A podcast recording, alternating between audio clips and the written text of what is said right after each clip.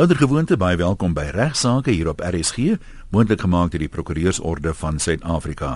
By my ook oudergewoonte al vir die afgelope 22 jaar die aanbieder van Regsake, Ignas Kleinsmith van van Velden Duffy Prokureurs op Rustenburg. Net gou vinnig sê voordat ons begin, Ignas se boek, wat sê die prokureur Regsake wat jou raak wat RSG en Aledi saam uitgee, die loop nou al flink vir 'n hele rukkie. As jou boekwinkel uh, hom nie meer het nie, sê hulle moet hom vir jou bestel of jy kan hierdie direkte nommer skakel en jou kopie bekom. Lekker praktiese regsraad en maklike leuke taal met 'n paar voorbeelde van ooreenkomste ook, soos huiswerkersooreenkomste en 'n saamwoonooreenkoms wat jy kan gebruik om uh, jou eie ooreenkoms op te stel. Dan nommer 0834096751. Ek nou ja, laaste ons uh, opnames gemaak het, was dit uh, dink ek het jy nog 'n baadjie aangehad. Nou is dit dan heel wat warmer al. Ja nee, wrag, hier's eens klap so die weer verander van ysig koud na vuur warm en is lekker uh, lekker weer met almal te gesels en 'n voorreg om met u te gesels.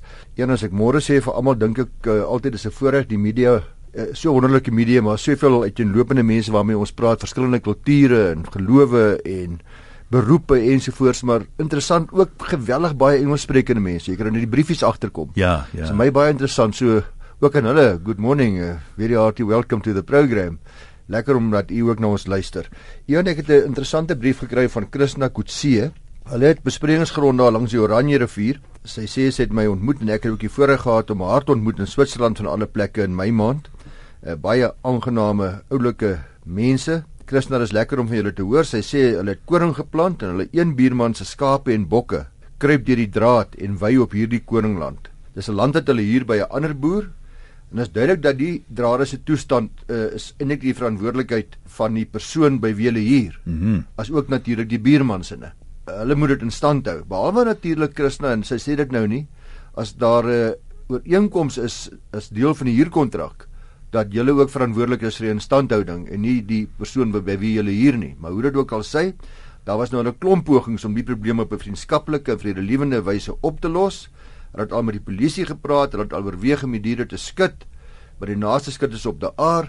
Hulle het ook 'n prokureursbrief aan die buurman gerig. Nou sodra mense praat van 'n prokureursbrief, dan is ek bevrees dan kan ek hulle nie meer antwoord op hulle spesifieke feite nie. Ek het al 'n klomp keer vir ons luisteraars gesê, "Eon, as mens by prokureur is, dan gaan dit arrogant en uh, voorvarend en allerlei dinge van my wees om te dink ek is slimmer as die man wat al die feite het en wat baie wat gekonsulteer het en wat uh, 100 keer meer ingelig is, beter ingelig is as ek."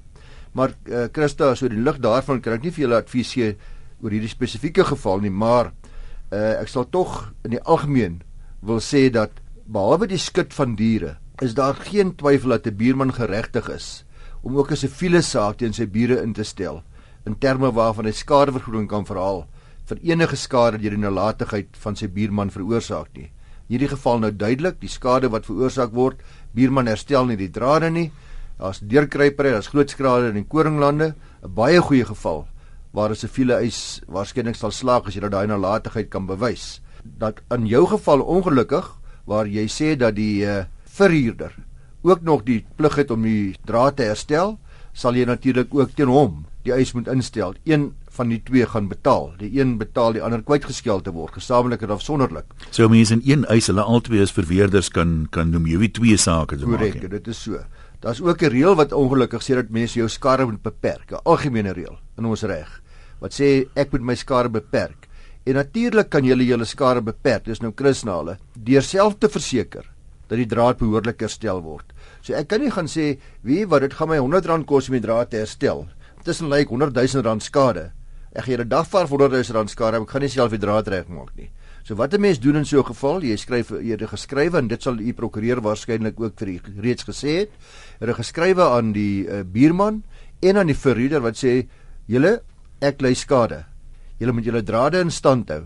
As jy dit nie doen binne soveel dae nie, binne die volgende 10 dae nie, gaan jy dit self herstel op julle koste. En dan gaan ek die koste van julle verhaal. So nou het ek my skade beperk en ek het hulle kennis gegee wat ek dat ek dit gaan doen en dan moet ek ongelukkig daarna as hulle dit nog steeds nie doen nie, self die draad herstel en dan kan ek die skade van hulle verhaal. Maak dit 'n verskil of hulle reageer op die brief of nie want baie mense swyg die ding mos dood. As jy dan nou binne daai gegee tydperk wat ek neem aan 'n redelike tyd moet wees. Ja. Nie van hulle hoor nie, kan jy dan net aangaan of moet jy hulle weer in kennis stel en nee. sê julle tyd is nou op, ek gaan dit nou doen. Een redelike kennisgewing gaan genoeg wees waar jy sê as daardie tyd verstryk het, dan gaan jy ongelukkig genoop wees om dit self te doen en dan doen jy dit self. Daar's baie ander voorbeelde van gevalle waar mense jou skare moet beperk en dan in sulke gevalle sê jy gewoonlik vir die teenparty 'n geleentheid gee om die eis wat jy het om van voornemens om in te stel te probeer vermy deur self daardie skade te beperk as dit sy plig is. Jy praat van prokureursbrief soms, ek meen dinge loop daai kant toe, maar in die praktyk in terme van goeie buurmanskap sou 'n mens darm 'n gesprek hieroor seker wil hê met die prokureursbrief vooraf gaan kan ons nie 'n vriendelike oplossing kry nie. Absoluut waar, Jan en dis wat Christus nou ook in hierdie skrywe sê. Hulle het eers hulle bes probeer om die saak op 'n mooi manier op te los. Dan word daar beloftes gemaak en beloftes en beloftes totdat die mens later keelvol raak.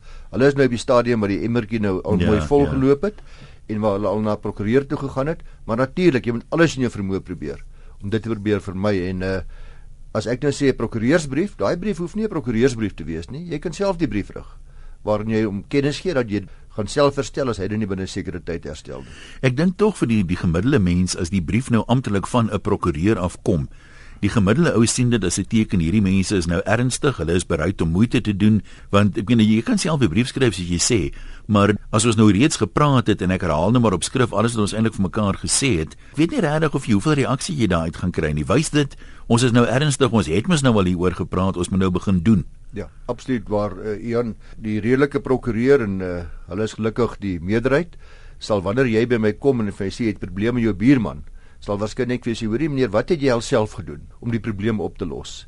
Het jy al geskakel? Het jy al probeer mooi praat? Het jy dalk alselfs 'n notaatjie gestuur? Uh as jy nog niks gedoen het nie, stel ek voor voor ons nou begin beklei praatjies praat, ja. voor ons nou begin fighting talk praat soos hulle sê, want 'n prokureursbrief gaan onmiddellik die buurman se se hare laat pen reg op op die kop staan. Ja. Uh, kom gaan probeer liewer jouself. Dan sê ons skaam kwaad by. As dit dit skaam kwaad. As dit dan nie werk nie, kom jy na my toe dan probeer ons weer. Ja, maar goed, dankie vir daai raad.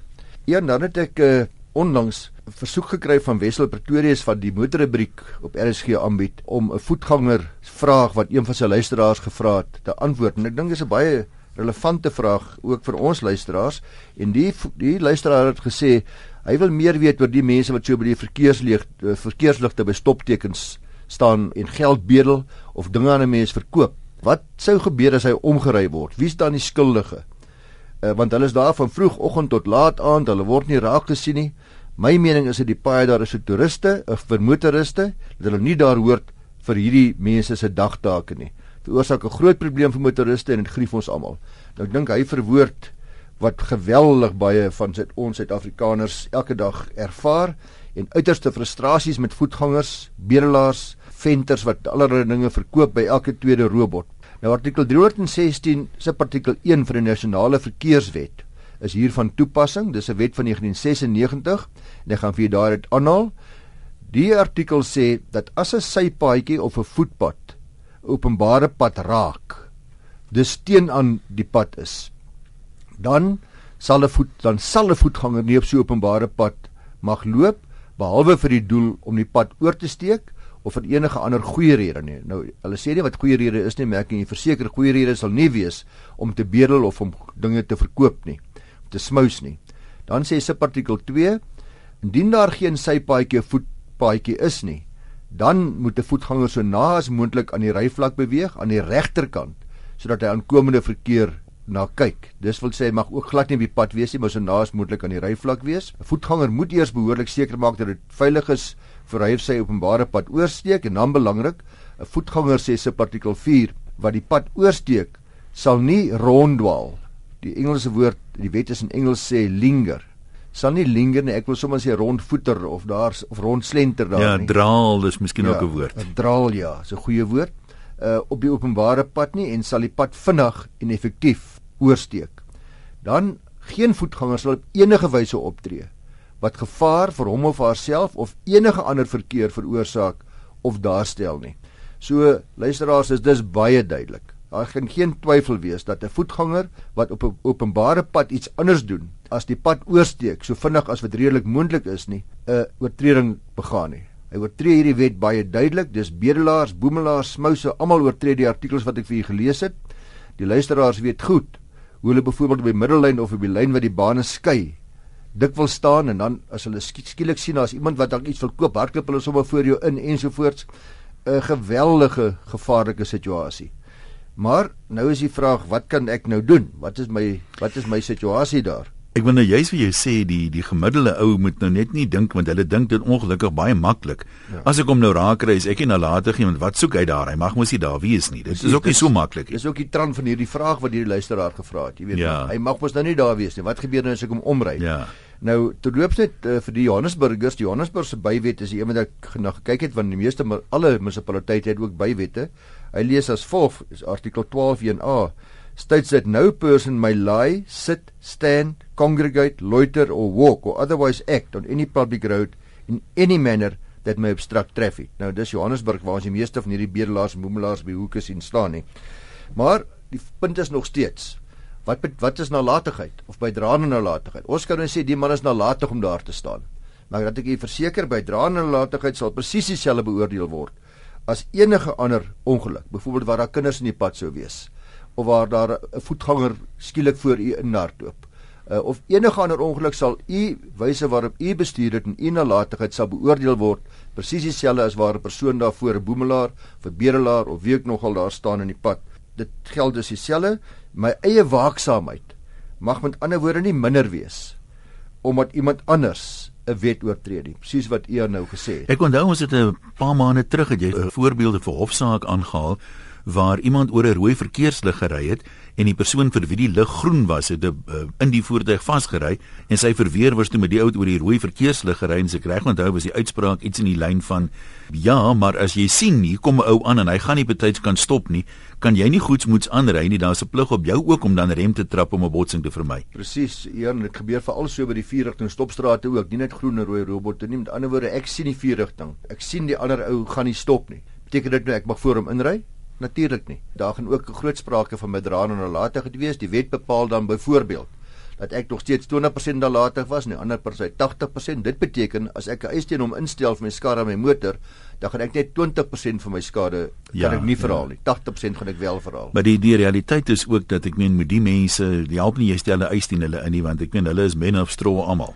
Jy sien dis ons probleem in Suid-Afrika. Eerstens gaan jou eis, siviele eis gaan nie die moeite werd wees nie want die man het niks nie. Tweedens is die groot probleem in Suid-Afrika die gebrek aan behoorlike wetstoepassing. Ons sien oral motors wat duidelik nie padvaardig is nie, wat duidelik nie op die paaie hoort nie, het nie nommerplate nie of die ligte werk nie behoorlik in die aand nie. Dieselfde met goedvangers wat duidelik daagliks aan mekaar weet te oortree. En ek ek moet hom nou ook sê die metropolisie ry by hierdie bedelaars verby tientalle kere per dag en ek het nog nooit gesien dat enige iemand van hulle Jy weet hulle sal jou op tydmal aftrek en jou lisensie kyk en al die goed maak nog nooit gesien dat hulle eers kommunikeer en vir die ou sê maar staan op die sypaadjie of staan een kant toe of op 'n manier hulle eers waarsku nie. Ja, gaan mense wat wetstoepassing ken sal almal vir jou sê dat wetstoepassing behoorlike wetstoepassing begin ook by die vasvat van kleiner oortredings. As jy nie klein oortredings vasvat jy nog gaan almal later ja. aan ook groot oortredings pleeg. En dinge was so die burgemeester in New York wat destyds baie goeie voorbeelde daarvan ja. gemaak het. Op te som dus motoriste moet optree soos 'n redelike man Dit wil sê uiters versigtig waar jy iemand voor in die pad sien staan, maak nie saak wat hy doen of hy daar mag wees of nie. Anders gaan jy self in die pen ry. Siviele aanspreeklikheid kan ook natuurlik uh, kriminele aanspreeklikheid wees, soos byvoorbeeld strafbare manslag, roekelose bestuur en daardie dinge. So maak maar seker luisteraars dat jy uiters waaksaam is wanneer daar boemelaars, bedelaars, verkoopsmense ensovoorts voor u in die pad is. Hier in hierdie deel wil ek 'n bietjie gesels oor die openbaarmakingsplig wat ons het wanneer ons 'n polis sluit, wanneer ons versekerings aangaan in ons aansoek en wat ons alles moet sê en wat ons uh, plig in die verband is want in Regent Insurance maatskappy beperk uh, versus Kings eiendomsontwikkelingsmaatskappy ondanks 'n appel of saak het die appellant dus met die versekeraar Regent en uh, Kings Property 'n versekeringskontrak gesluit waar tydens uh, die versekeraar dan net die versekerde teen sekere risiko's verseker het, maar een van die risiko's het brandskade ingesluit. Want meer soos baie van ons maar doen. Die versekerde perseel het hoewel op 'n stadium afgebrand en uh, word toe eis ingestel natuurlik deur Kings en ons ontwikkelings uh vir die koste van om die perseel te herstel. Is ook verlies aan inkomste wat gedek is deur die polis en die eis word verwerp. Die versekeraar beweer dat die versekerde sekere inligting nie openbaar het tydens die aansoek vir die dekking nie. Hierdie inligting wat volgens die versekeraar dan nou nie geopenbaar was nie, was die feit dat die perseel deur 'n huurder beset was wat met glas, vesel en hars gewerk het wat uiters vlambare materiaal was. So dit het 'n brandgevaar uit brandgevaar in. Die versekeraar argumenteer dus dat in as hy hierdie as hy hiervan geweet het, as hierdie inligting geopenbaar was, uh, dan sou hulle beslis nie die perseel verseker het nie, want dit is 'n baie groot risiko as gevolg van die uh huurder se werksaamhede. Dit blyk dus of die brand wel veroorsaak was deur een of meer van die werknemers van uh die verhuurder tydens die vervaardiging van hierdie glasveselprodukte van die huurder se se werkers. So die eerste hof van Nakou, die Hooggeregshof bevind dat die versekeraar aanspreeklik was om die bedrag uh te betaal omdat die versekerde se makelaar die versekeraar na bewering gevra het om 'n opname van die perseel te gaan maak. In 'n woorde daar was 'n daar was 'n aanduiding dat die versekeraar sou die perseel gaan besoek het. Die hof was van mening dat die versekerde mislei was om te glo dat die opname wel gedoen was. Dit was inderdaad nie gedoen nie en dat hy ook dienooreenkomstig die premies betaal het en dus geglo het en geregtig was om te glo dat my perseel is behoorlik verseker. Want hulle sou gaan kyk het en gaan kyk het wat daar aangaan. Die versekeraar appeleer egter hierteen. Die kwessies op appel is onder andere nou wat het die versekerde werklik aan die versekeraar geopenbaar eh, met betrekking tot die perseel met die aansoek? Enerzijds en tweedens was die versuim om dit te openbaar uh op enigiets openbaar in gevolge artikel 53 subartikel 1 van die korttermynversekeringswet was dit uh fataal vir die eis. Die hoogste hof van appel het na die gemeenereg verwys en bevind dat wanneer 'n versekerde dekking aanvra die versekerde let wel u en ek wat wat wil verseker. En nie die versekeraar nie. 'n volledige openbaarmaking aan die versekeraar moet maak. As jy die versekeraar het nie 'n plig om te gaan kyk wat jy geopenbaar het jy moet volledig aan die versekeraar sê presies wat die risiko's is sodat hy in staat is om al die risiko's te evalueer. Indien dit nie gedoen word nie sal die versekeraar geregtig wees om die eis te verwerp gevolg die polis en die polis as nietig beskou. So die versekeraar wat sê hulle gaan in elk geval ook die perseel besoek dis irrelevant dis nie voldoende nie Jy moet aan die begin behoorlike openbaring maak van al die risiko's. Die toets wat op beide wanvoorstellings en nie openbaarmaking toegepas word, is 'n objektiewe een. Die vraag wat is gevra moet word is of die redelike persoon die feite wat nie bekend gemaak is of openbaar gemaak is nie, of hy dit as relevant sou beskou tot die risiko en die evaluering van daardie risiko. So ek en jy gedink het, hoe jy ek moet dan vir hulle sê, die mense wanneer werk met glasvesel daar? Met hars of sou ek dit nie gesê het of sê natuurlik sou jy dit vir hulle gesê het as jy wil brandversekering hê want dit is 'n duidelike brandrisiko.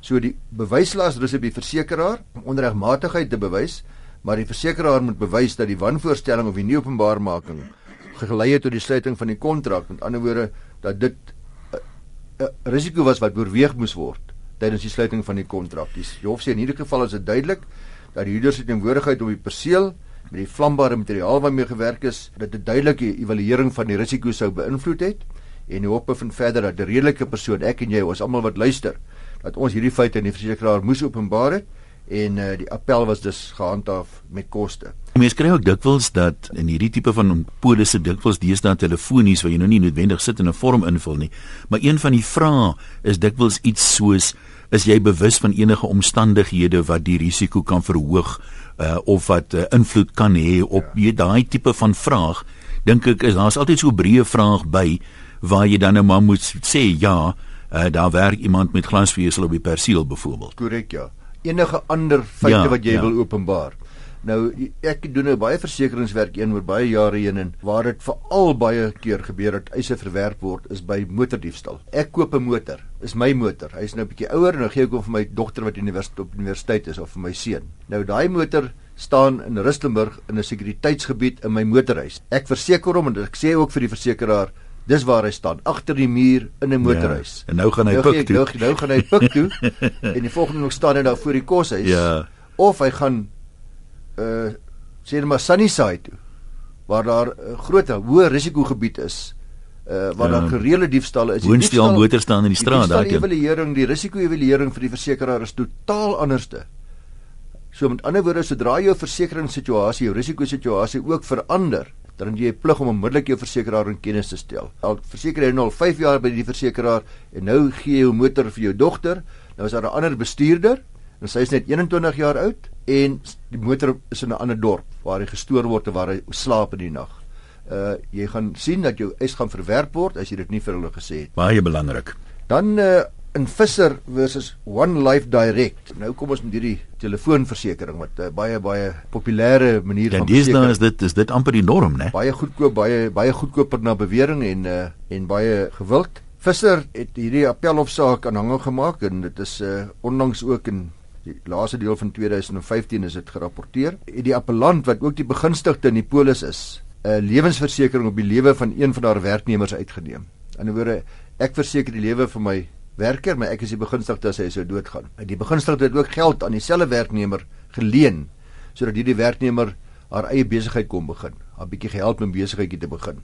14 maande na die polis uitgereik was, het die werknemer gesterf die respondent in hierdie aangeleentheid is nou One Life Direct Insurance, dis die versekeraar, verwerp toe die eis uh en die versekeraar het aangevoer dat die werknemer, die oorlede werknemer nou, sekere wanvoorstellings gemaak het en ook versuim het om sekere inligting aan die versekeraar te openbaar omtrent daai mediese toestand wat dan Weet jy wat die oorsaak van dood was? Dis nie ongeluk of iets nie. Nee, dit was dit was die mediese toestand wat Goed. sy reeds gehad het. Okay. Uh dit sou die evaluering van 'n risiko dan nou beïnvloed het beweer hulle.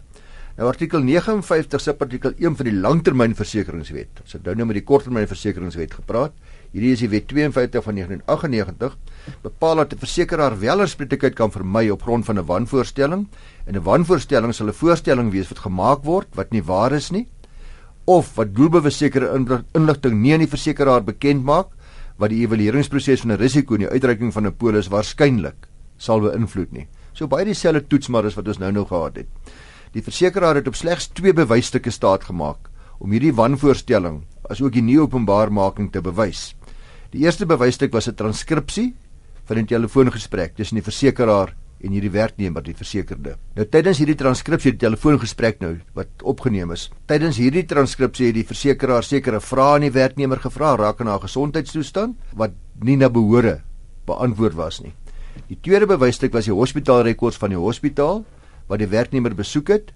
Uh die hof van eerste instansie was vermeering daar dat daar wel 'n wanvoorstelling was en dit toe in die guns van die versekeraar bevind as gevolg van hierdie twee dokumente. Maar nou kom ons ook by die wat is sulke dokumente werd en hierdie transkripsie en wat hoe wat hoe kan dit gebruik word in 'n hof want op appel sê regter Swyn dat die versekeraar hierdie bewys las net soos in die vorige geval wat ek vir u genoem het om te bewys dat die werknemer wanvoorstellings gemaak het met betrekking tot haar gesondheidstoestand Hulle moet dit bewys. Die Hoogste Hof van Appel het verder bevind dat daar 'n onderskeid getref moet word tussen die toelaatbaarheid van bewysstukke.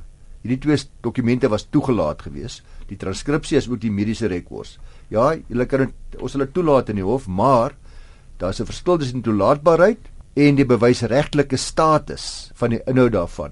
Die hof sê dat Die hospitaalrekords is toelaatbaar, maar omdat die dokter wat die werknemer ondersoek het, nooit geroep was om te getuig oor die hospitaalrekords, het die rekords geen bewyswaarde nie. Jy kan dit inhandig, maar dan moet jy sê dan dan moet daar getuienis wees. So dis nie genoeg al staan daar ek behandel die persoon nou kom ons sê maar vir diabetes of wat ook al nie of vir hartkwaal nie. Nee, nie genoeg nie, want ek kan ek moet nou 'n dokter kan kry hoor en sê dokter het jy dit gedoen en jy dit gedoen en jy nou gekyk jy sis gedoen. Jy jou werk behoorlik gedoen byvoorbeeld. Daar's 101 dinge wat in 'n wat 'n dokter se mediese verslag kan diskrediteer tydens kruisondervraging en ook tydens ander getuienis wat ek weer aanbied tot die teendeel van die gesondheidstoestand. Ja. Uh die hof was vermeer dat eers wanneer die rekords bewys dat die getuienis waar is, uh deur getuienis dat dit waar is, dan kan die kwessie van wanvoorstelling en nie openbaarmaking eers aangespreek word. So die deskundige getuie wat namens die begunstigde, dis op 'n vir 'n visser, die een wat die eis ingestel het uh, wat na, in die appel aangeteken, wat namens haar getuig het sê die appelhof het getuig dat die hospitaalrekords onvolledig was en dat 'n mens slegs kan spekuleer oor wat die oorsake van die werknemer se simptome was en daarom kan dan nie gesê word dat sy die vrae verkeerd geantwoord het tydens hierdie transkripsie. Dis so in hierdie geval het die hof bevind dat die eerste hof gefouteer het. Die appelhof sê die hof het gefouteer in hulle bevinding dat die versekeraar dit in hierdie geval nie daarin geslaag om van hulle onus die bewyslas te kwyt nie. Die appel was dus gehandhaaf met koste en in hierdie geval moet die versekeraar betaal. Maar nog steeds kom die boodskap baie baie duidelik deur. Dis belangrik dat u hofsaake moet vermy deur alle vrae behoorlik te antwoord. En dit Eerlikheid duur die langste. Veral oor gesondheidstoestande eh, word daar geweldig baie leentjies vertel. Laat ek nou maar sommer vir u sê, die van u wat sê, "Hoeveel drink jy en hoeveel rook jy?" En dan sê die ag dis 'n standaard en ek soos ek sê ek doen baie versekeringswerk dis standaard. Ja, ek drink so nou en dan 'n drankie. Ek drink 'n glasie ligte witwyn Sondag saam met die hoender. As hulle nog daar word nog nooit gesê glase nie. Dis altyd glasies. drie glasies witwyn 'n week en net eh, of ek rook nie en daai mense wat sê hulle rook nie moet aanvaar daar gaan 'n ketonien toets gedoen word na afsterwe as daar 'n vermoede was dat u wel gerook het as jy daai ketonien toetsie slaag nie help allei premies wat u oor soveel jare betaal het vir jou net dood eenvoudig niks hierdie eis gaan nie uitbetaal nie so jy kan nie daai premies terughuis nie moenie moenie nee nee as jy as as jy as jy bedrog gepleeg het deurentyd nie want ja. jy was heeltyd verseker gewees jy is verseker asof jy nie rook nie nog nog 'n ding wat ek net vir u in die oor wil knoop dat as u 'n roker was terwyl u die uh, polis aangegaan het. En die ou oprook, 'n goeie wenk, laat dadelik die versekeraar weet, jy gaan omtrent, ek het onlangs dit weer gesien, ongeveer 30% minder premie betaal. Ek neem maar daar is daar iets soos jy moet vir 12 maande glad nie gerook het nie. Dis nie ek het verlede week opgehou kom ons praat nie. Baie van daai ja. mense relapse iets eisliks. Die versekeraar het hulle oor 'n week of 2 op. Die versekeraar sal u waarskynlik sodra jy vir hulle kennis gee dadelik stuur in terloops as jy dink ek maak 'n fout. Dis nie 'n nikotien toets nie, dis 'n ketonien toets.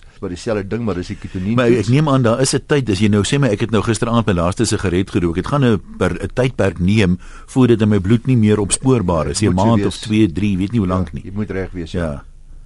Maar versekering ja, weer eens wees eerlik. Dis alwaar vir ons gaan tyd hê vandag. En as jy voorstelle vir toekomstige onderwerpe vir Ignas wil stuur, sy e-posadres is igna@ffd.co.za.